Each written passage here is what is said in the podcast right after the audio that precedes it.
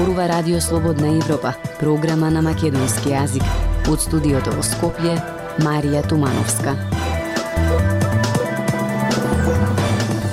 Добре дојдовте во емисијата. Во неа ќе слушате Косовската председателка Османи Садриу во Скопје побара од Европската Унија да направи притисок врз Србија за да го почитува договорот за нормализација меѓу двете земји.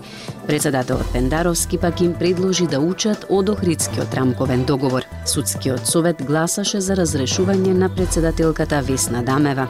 Шугата се враќа, расте бројот на заболени од оваа заразна болест. Од светот, иранските власти изразуваат загриженост за бројот на нелегални абортуси што се вршат во таа земја. Со седум гласа за председателката на судскиот совет Весна Дамева е разрешена од функцијата, констатираше нејзиниот заменик Селима Деми на денешната седница на судскиот совет, која помина во тензична атмосфера. Дамева рече дека ако оваа одлука биде озаконета, лица од политиката ќе бидат задоволни, а работите ќе станат уште полоши. Емилија Нацовска. Со седум гласа за, председателката на судскиот совет Весна Дамева е разрешена од функцијата, констатираше незиниот заменик Сели Мадеми на денешната седница на судскиот совет. Покавгите кои траја неколку часа, откако Дамева одби да се стави на гласање точка која ја немаше на дневен ред, незиниот заменик реши да се гласа со кревање рака. Седум членови го поддржаа заменикот, кој го презеде раководењето на седницата при незино присуство. И јас на вистина не знам овој епилог како ќе заврши, освен што одредени лица од политиката ќе бидат и текако задоволни ако во ова успеат. Јас не се откажувам, битката продолжува и многу работи може уште полоши да бидат. Инаку денешната седница на судскиот совет почна со низа обвинувања. Подпредседателот Адеми побара Дамева да биде разрешена, бидејќи како што рече, таа го криела писмото од американската амбасадорка Анджела Агелер и не им го давала на членовите. На ова реплицира Дамева, која рече дека била на одмор, а тој како нејзин заменик го примил писмото и требало да го презентира. Во писмото што американската амбасадорка го испрати до извршната и судска власт, се изразува загриженост и разочарување околу големиот број предмети што апелација ги враќа на повторно судење, поради што во меѓувреме застареа дел од предметите кои се водеа против дел од обвинетите. Независни вести и анализи за иднината на Македонија. На Радио Слободна Европа и слободнаевропа.мк. Почнуваме со емисијата. Македонија и Косово имаат клучна улога за постигнување постојана стабилност во регионот. Европската иднина на двете земји е во ЕУ и НАТО, порачаа председателот на Македонија Стево Пендаровски и неговата косовска колешка Виоса Османи Садриу, која е во официјална посета на земјава. Повеќе од Владимир Калински. Стабилизацијата на Балканот зависи од влезот на сите земји во Европската Унија. Се согласија председателот Стево Пендаровски и председателката на Косово Вјоса Османи Садрију, која беше во официјална посета на Северна Македонија. Но и двајцата председатели посочија дека овој процес е загрозен од дестабилизирачки тенденции и малигно руско влијание. Председателот Пендаровски рече дека Северна Македонија има ист однос и кон Косово и кон Србија, бидејќи ја признава независноста на двете земји со кои има дипломатски односи. Во оваа прилика би сакал да го реафирмирам нашиот став дека ги поддржуваме евроатлантските аспирации на Република Косово и дека Северна Македонија е подготвена да ги сподели своите искуства во однос на реформските процеси, како на патот кон Европската Унија, така и во однос на членството во НАТО, алијансата.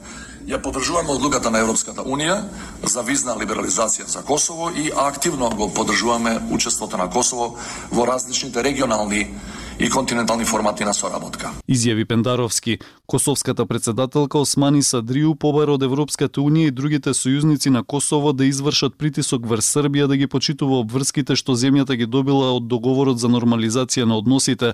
Таа додаде дека Србија со неодамнешните действија направила флагрантно прекршување на два члена од договорот. Нашата, нашите држави се посветени кон стабилноста и мирот и долготрајниот мир во регионот, но во нашата нашиот регион се има се уште има предизвици и има исто иницијативи за дестабилизација. Додека Косовската председателка Османи Садриу се надоврза дека Косовската председателка се надоврза дека сите земји од Западен Балкан треба заедно да работат против негативното влијание на Русија во регионот.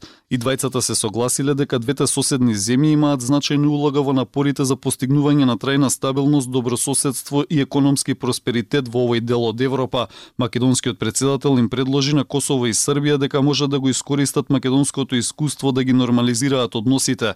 Текстот за договорот за патот кон нормализација на односите меѓу Србија и Косово го договорија председателот на Србија Александар Вучик и премиерот на Косово Албин Курти на 27 февруари во Брисел. Тие потоа на средба на 18 март во Окрица договорија за анекс и имплементација на сите членови од договорот.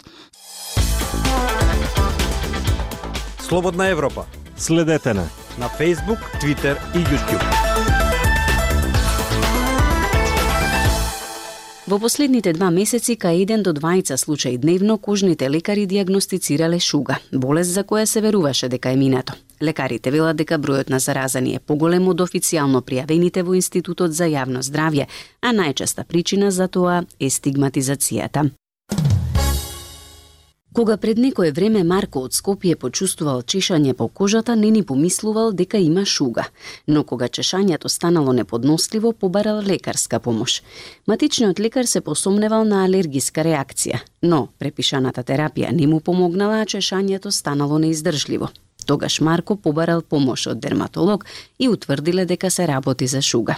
Најновиот извештај на Институтот за јавно здравје покажува дека минатиот месец во државата се регистрирани 32 случаи на шуга или скабиес.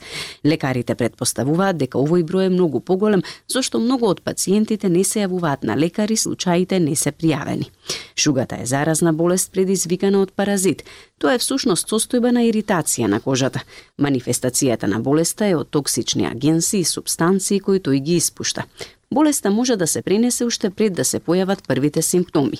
Знаци на шуга се чишење, а кај доинчиња можна е појавата на плускавци кои маскираат клиничката слика. Оваа болест е болест за сите луѓе, без разлика на социјалниот статус, пол и возраст, вели доктор Дејан Филиповиќ од Универзитетската клиника за дерматовенерологија. Но иако бројот на заразени е зголемен, тој сепак смирува, оти не се работи за тешко заболување. Прво што викаат пациенти да кажеме скаби е одма рипа, ама јас се бијам секој ден се пањам. Не е тоа работа. Чабе вие се пањате ако сте биде во контакт со лице што има скабие. Пренесувањето е строго кожа на кожа, може и од каенина, поредко и тоа некој подолг период. Имале ние случаи, пак ќе речам, со а, да се зарази лице од авион. Докторот вели дека нема превенција за оваа заразна болест, но дека при појава на симптомите најдобро е веднаш да се замине на лекар. И проблемот со самото шешење, правиме рани на кожата, експлоријација уште еднаш ќе речам, на кој што може да се накаде некоја инфекција, ако не ви ги запустиме, не ви отворена рана, се зависи на кое место е, на која локација. Препознатливо е што кај скабиесото принцип, првите промени се јавуваат на долна третина на абдомен под пулпакото принцип, mm -hmm. се јавуваат на подколеницата надолу на ние така познаваме најчесто. Кај луѓе кои за прв пат имале контакт со оваа болест, инкубацијата е од 4 до 8 недели. Кај оние кои веќе имале контакт, таа е пократка и се јавува за неколку дена. Докторот Филиповиќ вели дека нема превенција, но при појава на симптомите препорачува веднаш да се замине на лекар. Кожните лекари апелираат дека сите лица кои имале близок контакт со заразено лице истовремено да се лекуваат, дури и да немаат симптоми, со терапија која што ја препишал соодветниот лекар. Радио Слободна Европа, светот на Македонија. Над половина милиарда евра лани потрошиле граѓаните во онлайн продавници, но додека онлайн продажбата расте, растат и измамите, особено на социјалните мрежи. Околу 20% од поплаките во Организацијата на потрошувачи биле поради измами при онлайн купување. Прилог на Ивана Стојкова. Се поголем број на граѓани купуваат онлайн. Ковид пандемијата особено ги промени навиките во купувањето, па така голем дел од нив продавниците ги заменија со интернет страниците. Според податоците на Асоциацијата за електронска трговија на Македонија, лани направени се 16,7 милиони електронски трансакции во вредност од 550 милиони евра во вкупно 1890 онлайн продавници. Скопјанката Моника е една од оние што пазари онлайн, од намирници до козметика и обувки вели дека честопати нарачува од интернет, но е внимателна поради бројните злоупотреби. Па така вели купува само од продавници кои што ги знае, но не и од продавачи на социјалните мрежи. Од македонски рандом продавачи ни нарачувам без разлика дали е бутик или што било друго и исто така не нарачувам од Facebook или Instagram. Купувам само од продавници за кои што знам дека постојат и нудат онлайн купување, вели Моника. Но не се сите толку внимателни. Скопјанецот Стефан раскажува за неговиот татко кој што неодамна направил нарачка од социјалните мрежи и добил оштетен производ.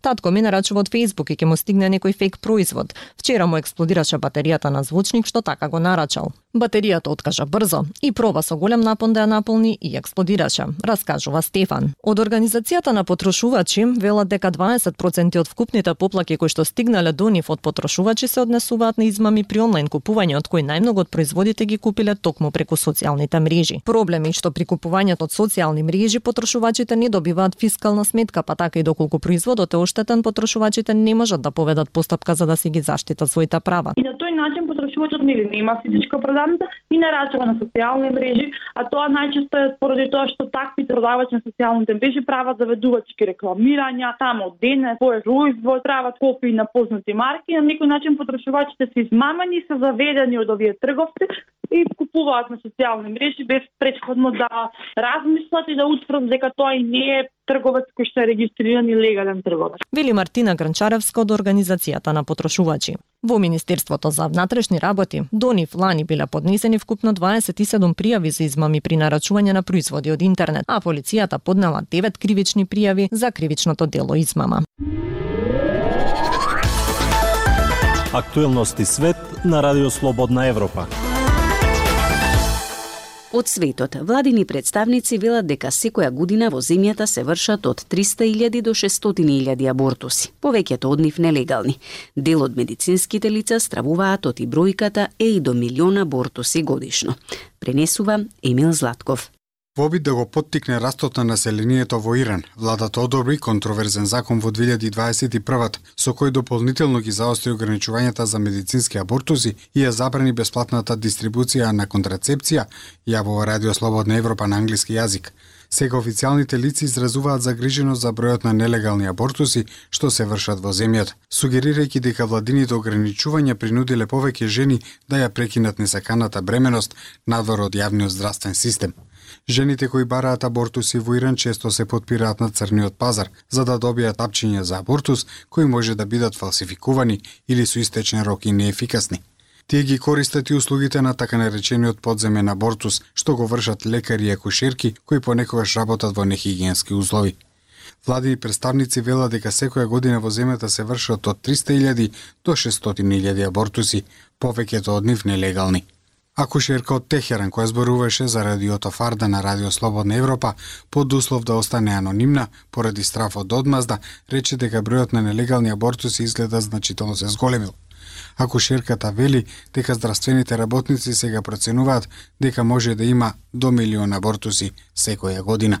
Тие права го вклучуваат хиджапот, но и прашања поврзани со плодноста, вклучително и правото да се спречи бременост. Жените сами треба да одлучат дали сакаат да забременат, дали сакаат деца и колку деца сакаат. Вели акушерката додавајќи дека непогодени се посиромашните иранки. Сулеман Хейдари, официјален представник на Министерството за здравство, на 18 април рече дека до 80% од абортусите во Иран били извршени нелегално. Предходно оваа недела, ултраконзервативниот председател на Иран, Ибрахим Раиси, рече дека бројот на абортуси во земјата е загрижувачки, без да даде бројки. Тој повеќе наказнување на престапниците. Гувернерот на Техеран, Моксим Мансури минатата година ги повика властите да ги спречат центрите кои им помагаат на жените да ја прекинат несаканата бременост. Портпаролот на Министерството за здравство, Педран Пакаджин, на 19 април рече дека Министерството презема чекори за решавање на проблемот со намерните абортуси, вклучително и отстранување на таблетите за абортус од пазарот. Менсуре Шоја е истакната истражувачки активистка за правата на жените за Слободна Европа изјави дека законот за ограничување на медицинските абортуси е кршење на правото на жените да одржуваат автономија над своето тело. Таа додава дека државните ограничувања за медицинските абортуси и контрацепцијските средства ги ставиле во опасност животите на иранките. Толку во оваа емисија ја слушавте програмата на македонски јазик на Радио Слободна Европа. Од студиото во Скопје ве поздравуваат Дејан Балаловски и Марија Тумановска.